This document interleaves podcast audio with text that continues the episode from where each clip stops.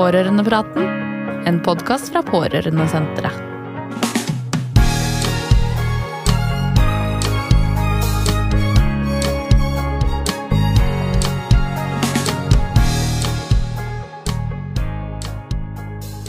Barn og unge som har foreldre med rusmiddelavhengighet eller kriminell aktivitet knytta til rusmiddelbruk, har selv økt risiko for å utvikle tilsvarende problemer. Og ingen foreldre med rusmiddelavhengighet ønsker at barna deres skal oppleve det samme som dem. Likevel er det ikke sjelden at sånne problemer nærmest går i arv. Turid Vangensten har i mange år Eh, arbeidet for at foreldre og barn skal få hjelp til å bryte onde sirkler. Velkommen i studio, Turid. Tusen takk. Det er veldig fint å bli invitert hit til å snakke med deg. Det er et viktig tema. Veldig viktig. Og det ordet vi av og til bruker, generasjonsoverføringer, sier vi. Hva, hva snakker vi om når vi snakker om det? Altså, jeg snakker om at eh, barn som har hatt krevende oppvekstvilkår eh, i form av eh, omsorgssvikt eller foreldre som har hatt det veldig, veldig strevsomt eh, sjøl, at de også da ikke får den oppmerksomheten, den emosjonelle og sosiale støtten de trenger, ikke den tryggheten og forutsigbarheten de har behov for, og at det gjør at de eh, kan utvikle problemer selv. Med konsentrasjon på skolen, sosialt. Fordi at de er så okkupert da, av det som er krevende hjemme. Ja, så Det er en litt annen type arv enn vi vanligvis snakker om, selv om vi, vi pleier å snakke om en type sånn genetisk sårbarhet, altså en arvelig sårbarhet for forskjellige sykdommer og tilstander. Og så er det den nærmest sosiale arven. Altså, som gjør at man vokser opp i, i det miljøet som du beskrev nå. Mm. Så, så, det er jo ganske sammensatt. Det er sammensatt, og det ligger, kan også ligge genetikk i det. Eh, I form av at man er sårbar for å utvikle psykisk sykdom eller, eller rusavhengighet. Og så har jeg lyst til å si òg at det er ikke noen selvfølge at disse barna som vokser opp under krevende forhold og med foreldre som har rusproblemer, at de må få problemer når de blir voksne.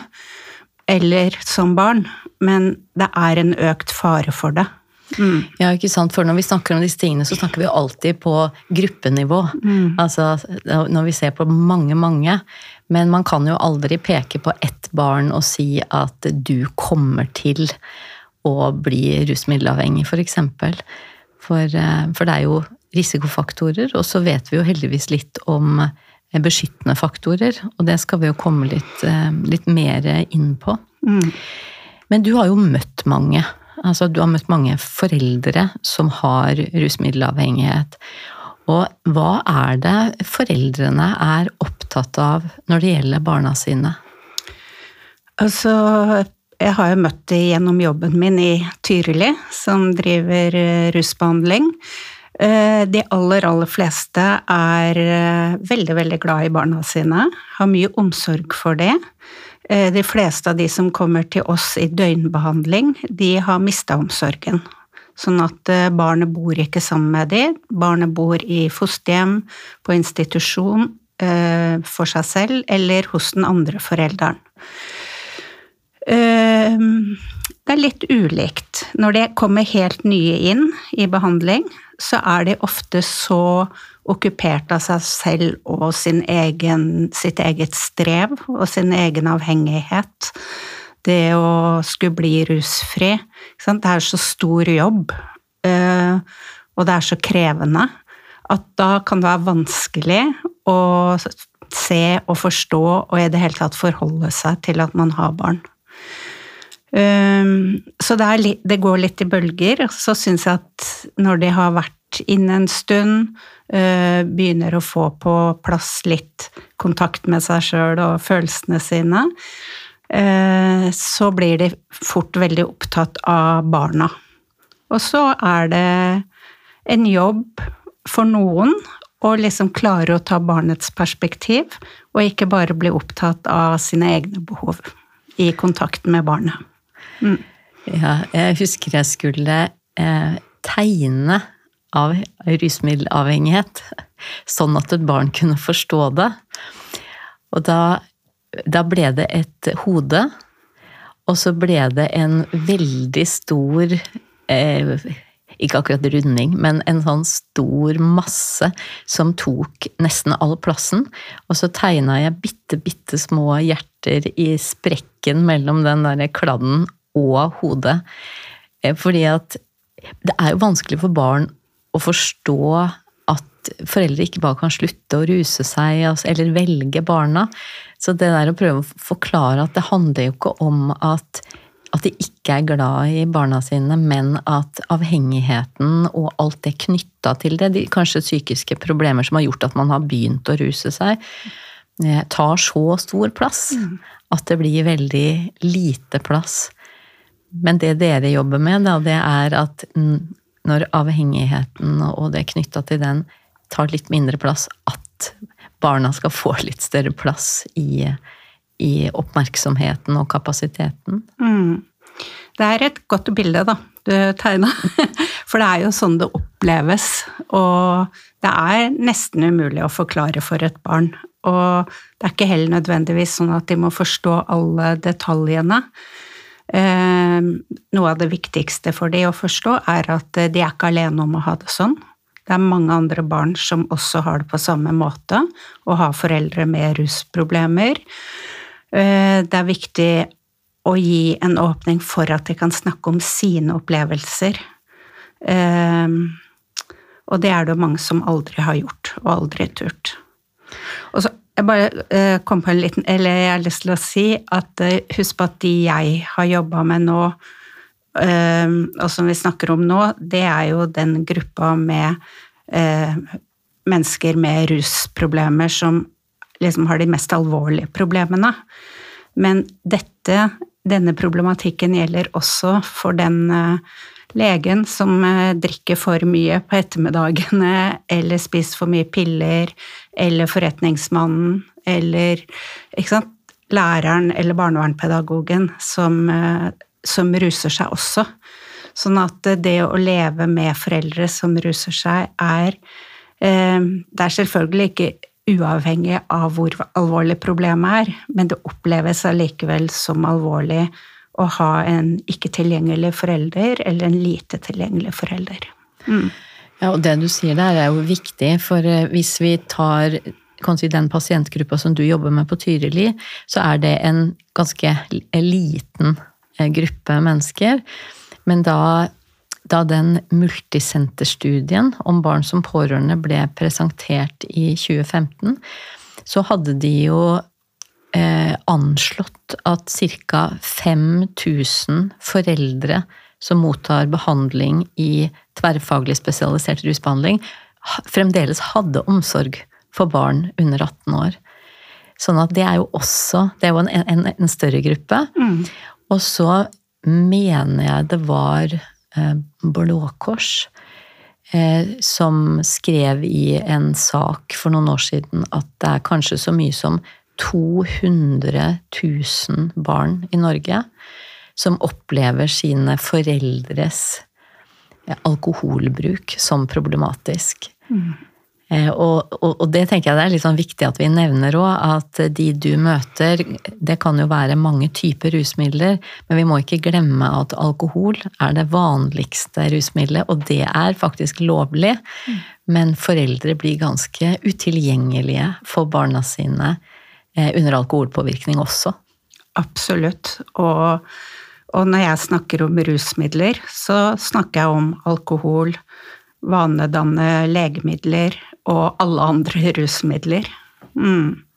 Så ja. det er ikke egentlig noen grunn til å skille på det. Det er, eh, som du sier, virkningen i forhold til barna er, er like stor, da. Mm. Og jeg tenker, du, du, er jo også forsker. Sånn at i tillegg til at du har jobba klinisk eh, med foreldre og barn, så har du jo også gjort forskning Eh, på, på, de menneskene vi snakker om nå. Eh, og hva, hva, har du funnet ut i løpet av de årene du har forska? Altså, hva, hva, kan være til hjelp for å liksom, stoppe disse generasjonsoverføringene? Eh, altså, det Jeg gjorde et doktorgradsarbeid hvor jeg intervjua bl.a. av unge voksne som hadde foreldre med rusproblemer.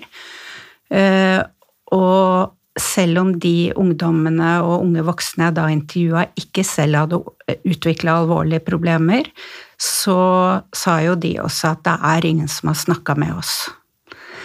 Eh, så de hadde kjent veldig på denne ensomheten.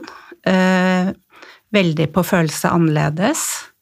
Eh, på å være i beredskap i forhold til foreldrenes rusbruk nesten hele tiden. Også de som Eh, ikke bodde sammen med foreldrene, men som bodde i fosterhjem, eh, hadde veldig mye av tankene sine hos foreldrene allikevel. Eh, de Ja, så de, altså, de snakka om at det var de som Enten var det ingen som så dem og snakka med dem, eller de som så dem og visste, snakka likevel ikke. Ikke fosterhjem, ikke barnevern, ikke noen foreldre. Jeg intervjua også en del foreldre og fosterforeldre, eh, familieterapeuter, eh, barneansvarlige i rusbehandling. Alle de voksne syntes det var kjempeviktig at barna ble prata med, og alle trodde at noen andre voksne gjorde det. Og de hadde helt sånn gode forklaringer på hvem de trodde snakka med barnet. Nei, det er tante gjør nok det. Eller nei, det gjør barnevernet. Eller nei, det er fosterforeldrene som gjør. Mens barnas opplevelse da var noe helt annet. Så jeg tenker jo det at det er så mye stigma og så mye skam knytta til dette med rusavhengighet, og særlig foreldre som ruser seg. Mange av de opplever nesten sånn dobbelt stigma og dobbelt skam, fordi det er stigmatiserende å ikke kunne kontrollere inntak av rusmidler. Og det er også veldig skambelagt å ikke kunne ta vare på barna sine. Så Og jeg tror mye av den stigmaen og den skammen også hindrer oss som er fagpersoner, besteforeldre, nabo, lærer osv., å snakke med barna om det. Det er så vanskelig, og det er så smertefullt, og vi vet det er så krevende da, å være de barna. Mm. Ja, Det heter seg jo det at veien til helvete er brolagt med gode intensjoner. Mm. Og det bare Det liksom datt ned i hodet mitt når du snakka nå, fordi at det er, det er, jo ingen som sitter og tenker at de vil eh, de barna noe vondt. Snarere tvert imot. Eh, men så vil man ikke gjøre vondt verre, man vil ikke påføre familien mer belastning. Og så ender det opp med at man ikke, ikke tar det kanskje litt ubehaget mm. det er å ta initiativ. Og jeg tenker jo at eh, mange vet jo ikke hva de skal si. Altså den derre opplevelsen av manglende kompetanse, mm. som ofte dukker opp i sånne undersøkelser at, at, de vet rett og slett, rett og slett ikke liksom hvordan de skal formulere seg, hvordan de skal ta det opp. Nei, og jeg var jo veldig opptatt av det når jeg gjorde det doktorgradsarbeidet, for da hadde jeg så lyst til egentlig å få gode historier og gode eksempler på hvordan barn og unge ble snakka med. Så jeg tenkte få liksom ja, hvordan kan vi sammen finne ut gode måter å snakke med disse barna på? Og så tror jeg at jeg etter hvert har blitt mm, mindre opptatt akkurat av hva man skal si, eh, og de riktige formuleringene. Og at det aller viktigste er å vise barnet og si at 'jeg ser deg', og 'jeg ser at det er strevsomt', og så la barnet fortelle. Og la barnet få mest mulig sette ord på sine opplevelser, da. Og så følge derfra. Ja, det. Eh, det. er ofte det de trenger, er min erfaring, da, enn alle mulige gode forklaringer, selv om noen også trenger det. Mm. Ja, for det du sier, det er jo at det viktigste er at barna eh, opplever at dette går det an å snakke om. Mm. Ingen blir sinte, ingen bryter sammen. Altså at, at det ikke skjer noe farlig ved å, å snakke om disse temaene. For barn er jo veldig, veldig lojale mot eh, foreldrene sine. Eh, Ofte mer enn godt er. Mm. Og da vil jo det å, å skulle fortelle noe eller si noe føles litt risikofylt. Så særlig hvis foreldrene kan måtte sitte ved siden av og, og nikke og bekrefte at dette er greit å snakke om, så da er jo det en, en god start. Absolutt, for det er de fleste barn altså de vet hva de har, men de vet ikke hva de får. ikke sant? Så hva skjer hvis jeg forteller? Vil noen tro på meg? Eh, vil de bare ta meg bort hjemmefra med en gang? Jeg vil jo ikke det. Eh, ja, ikke sant? Så barn Det blir jo en ekstra bekymring for noen barn å skulle fortelle. Og så er jo Barnevernet, som er ofte de som får meldinger om disse sakene, står jo også i innmari vanskelige dilemmaer. For på den ene siden så er jo den kontakten ofte mellom barn og foreldre så viktig. Samtidig så trenger barnet beskyttelse i perioder, i hvert fall, hvor foreldre ruser seg mye. Eh, De er nødt til å se på nettopp de andre beskyttelsesfaktorene som er i barnets liv. Eh, Og så vet vi også at en del barn som blir flytta i fosterhjem, ender opp med veldig mange flyttinger. Sånn at det, det er ikke nødvendig at det heller gjør livet så mye enklere, da. Dessverre. Mm. Nei, for nettopp den stabiliteten og forutsigbarheten som barna trenger, så får de ikke den eh, likevel, men på, kan du si, av andre grunner, da. Men jeg er sånn opptatt av det som du, du starta med å si det der, å sette ord på det som skjer, og at det har en verdi i seg selv. Altså, om man ikke får løst situasjonen eller får perfekte løsninger, så, så har det en verdi for barna i seg selv. Og da eh, kom jeg på ei som jeg eh, har hatt gleden av å snakke en del med, som vokste opp med en mor med et ganske eh, alvorlig, en ganske alvorlig rusmiddelavhengighet. Hun forteller at i, i gode perioder så var det jo så koselig. Altså, de hadde det jo så fint, og alt var Altså, liksom alt var bra i lange perioder. Og så når mora da begynte å, å ruse seg igjen, så tror som vi har snakka om det, så, så kan det virke som mora på en måte skjønte at den, det rusbruket ikke var bra å utsette barna for, men da ble hun borte.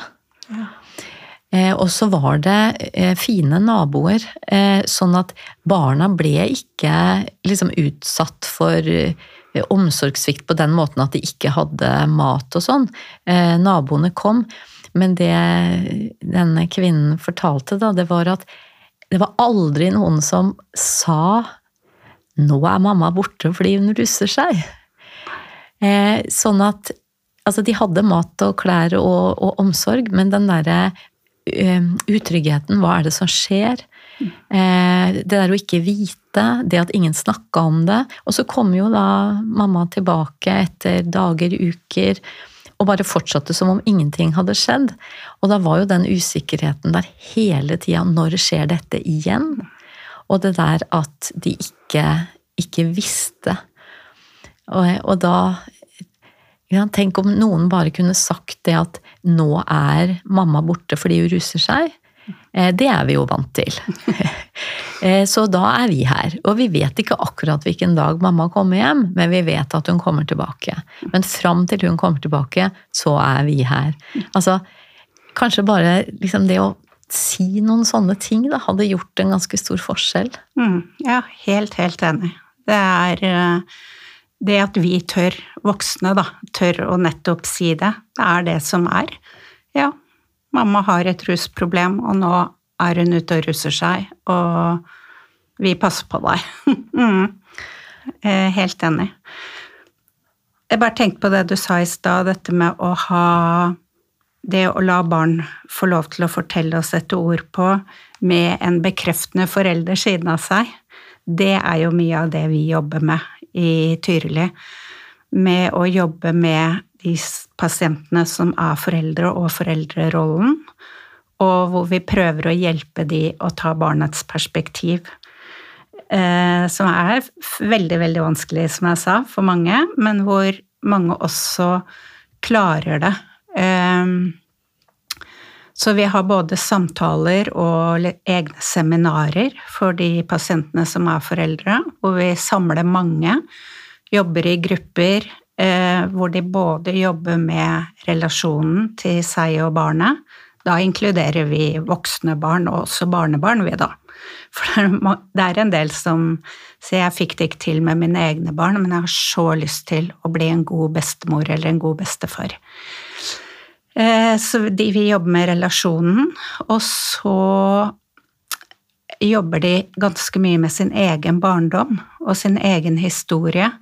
Og jeg syns vi ser når vi går tilbake dit og spør eh, hvem var trygge voksne for deg når du var liten, hva likte du å gjøre, eh, hva, var det noe som var utrygt, hvem var de viktige voksne, ikke sant, så eh, får de plutselig når de liksom går litt inn i den følelsen, så ser de barna sine også på en annen måte.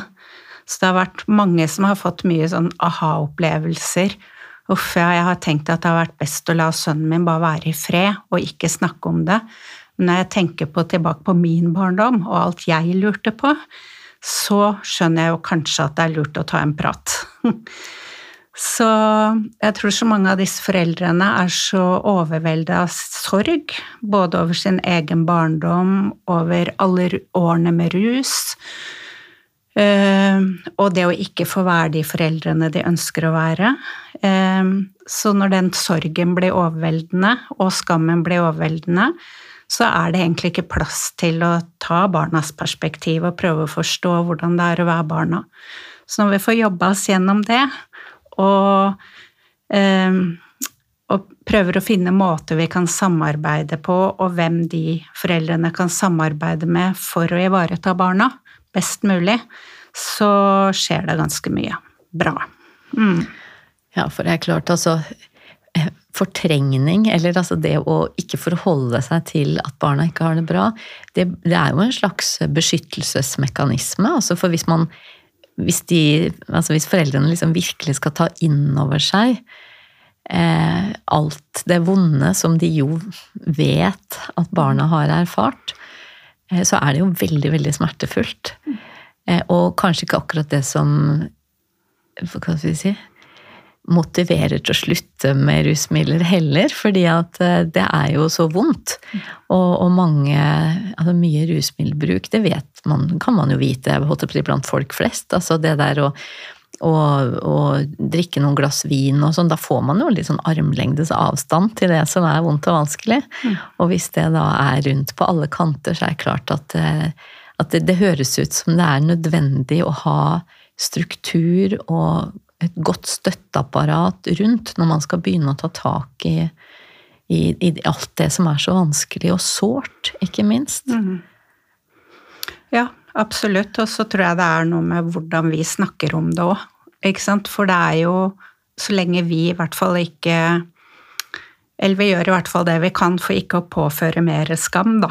Eh, og samtidig så snakker vi en del om å skille mellom den litt eh, gode skammen, som eh, egentlig handler om dårlig samvittighet for det man har gjort forferdelige ting, og den mer destruktive skammen som handler om hvem man er som person.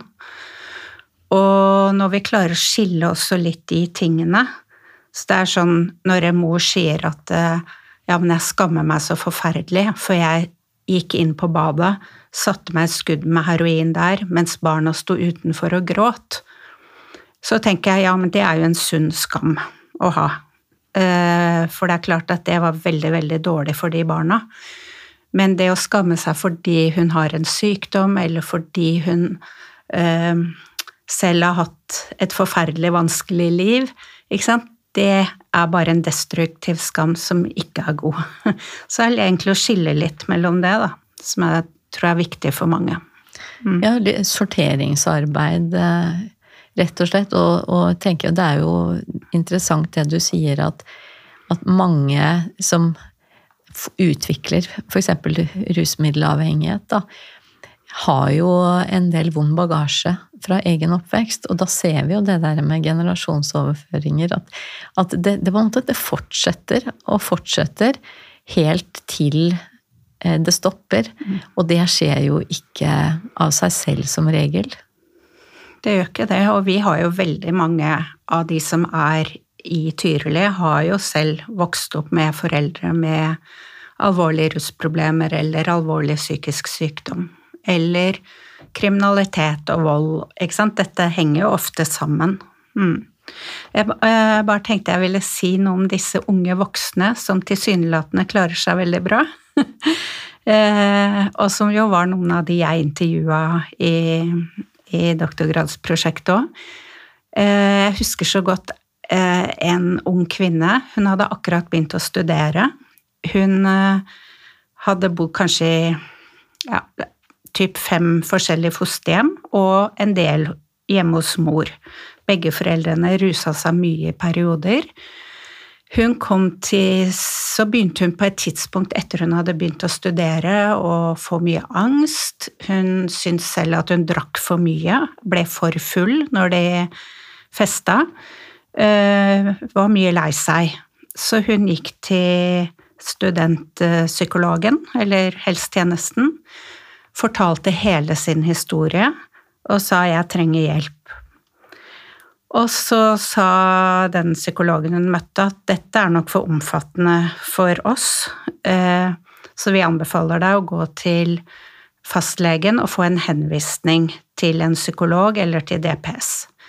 Så gikk hun til fastlegen og fortalte hele sin historie på nytt, og fastlegen skrev en eh, alt hun sa, en henvisning, og sendte til DPS, og fikk avslag fordi at hun ikke var syk nok. eh, og hun hadde ikke råd til noen privat psykolog, selvfølgelig, eller noe sånt. Så det å også se disse barna når de er eldre og tilsynelatende velfungerende, er jo også kjempeviktig. Jeg tenker sånn som Blå Kors sitt Kompasset gjør en fantastisk jobb for veldig mange av disse. Det er lavterskel, eh, du kan komme, du får virkelig god hjelp. Så det burde vært i mange, mange I alle kommuner, egentlig, burde hatt et sånt tilbud.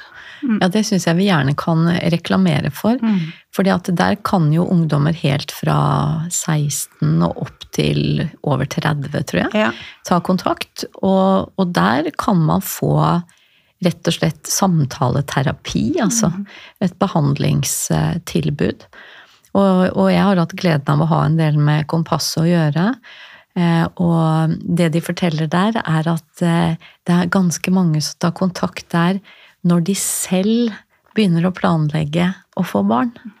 Fordi at da kommer de barndomsopplevelsene og minnene opp. Og så tenker de eh, ungdommene og unge voksne da at sånn vil ikke jeg at mine barn skal ha det. Og så ønsker de hjelp til å, holdt på å forebygge. Altså ønsker hjelp til å stoppe den generasjonsoverføringen. Eh, men det som er litt fint, da, som jeg ei som har vært familieterapeut på Kompasset i mange år, sier, at Eh, ofte så er jo de unge voksne utrolig reflekterte, og de har tenkt mange kloke tanker.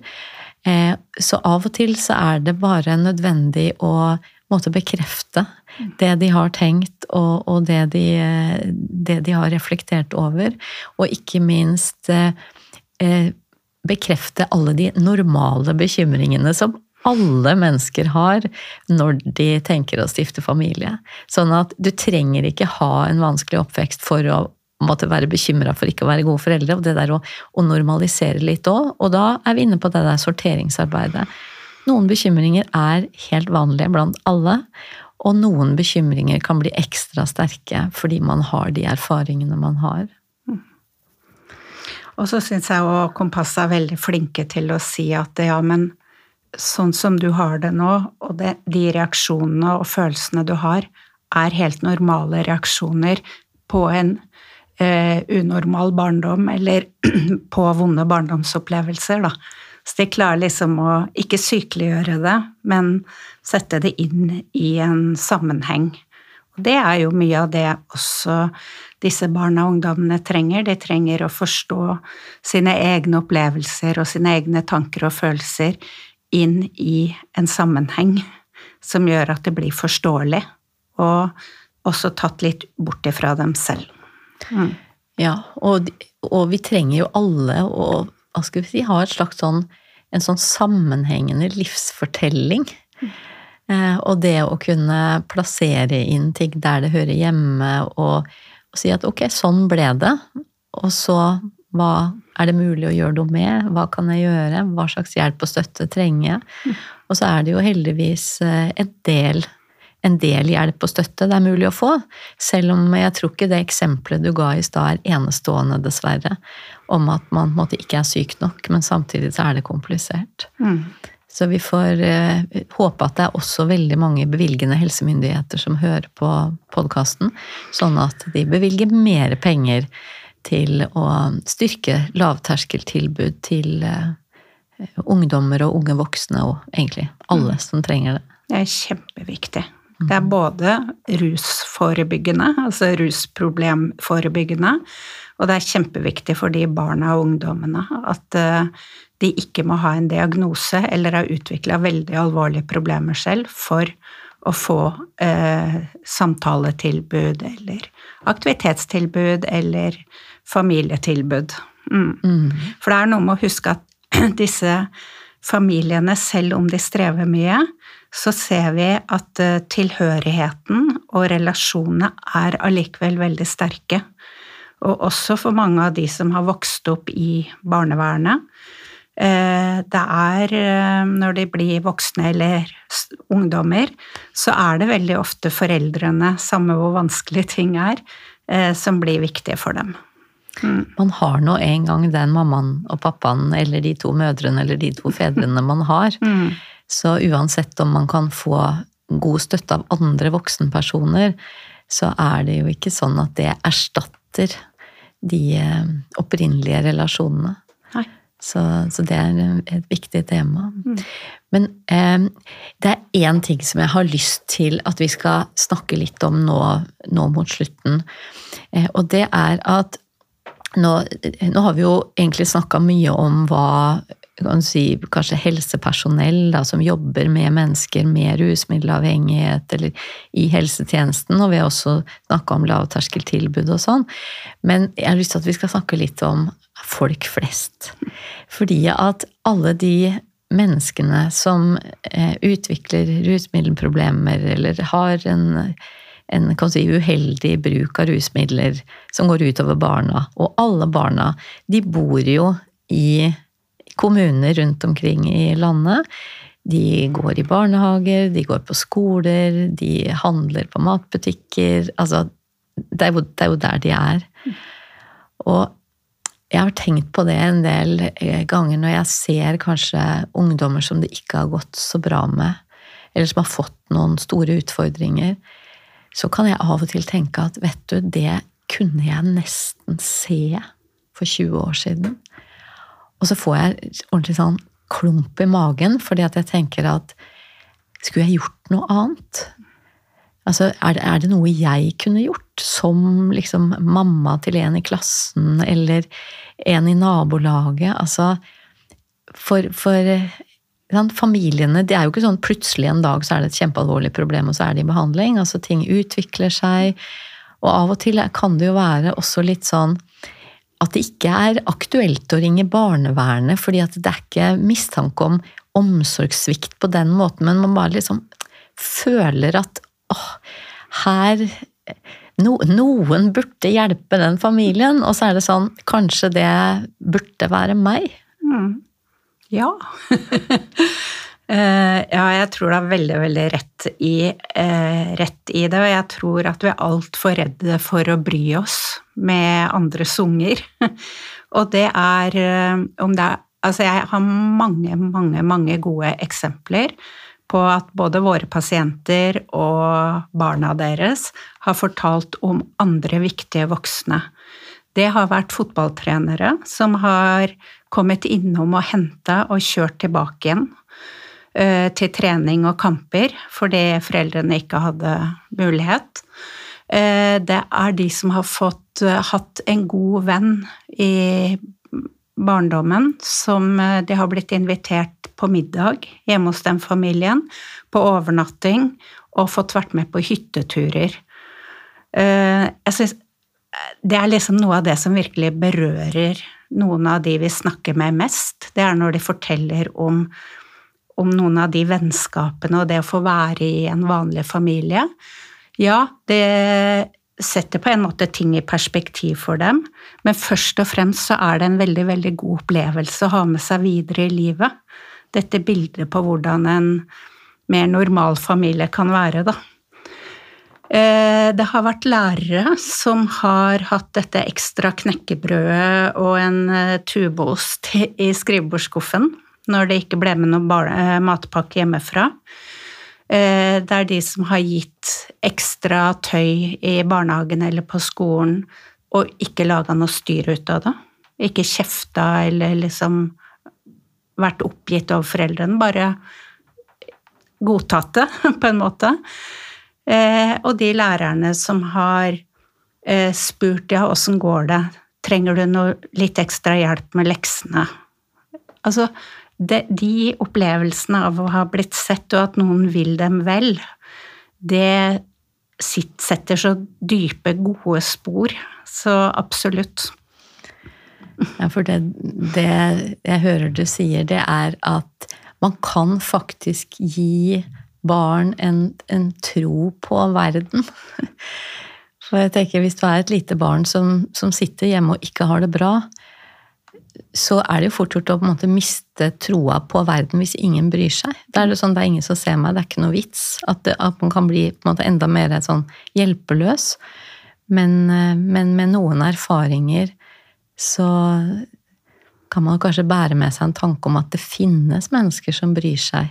Det er vits. Eh, og noen ser meg. Og, og noen har lyst til å være sammen med meg. Ikke sant? For meg. Det tror jeg er sånn Ja. At man er ikke bare noen som tar imot, men man gir også noe på en måte, da. Mm. Ja, det der å få en, en, en, altså gode relasjoner, da. Mm. Hvor man både gir og tar. Så hvis du blir invitert eh, hjem på middag til venninna, så kan du jo hjelpe til å rydde av bordet. Og da kan det hende du får en positiv bekreftelse på det òg. Mm. At du har noe å bidra med i, de små hverdagslige tingene. Mm. Mm. det som er vanskelig for noen av disse ungene, er jo at uh, hvis de utvikler for mye uro, for mye bekymring, for ja, for liksom krevende atferd, da, så er det også vanskeligere å inkludere de. Og det er jo Så jeg tenker noen ganger å orke også å invitere med de som ungene som er litt mer krevende å ha på besøk, for å si det sånn, er også kjempeviktig.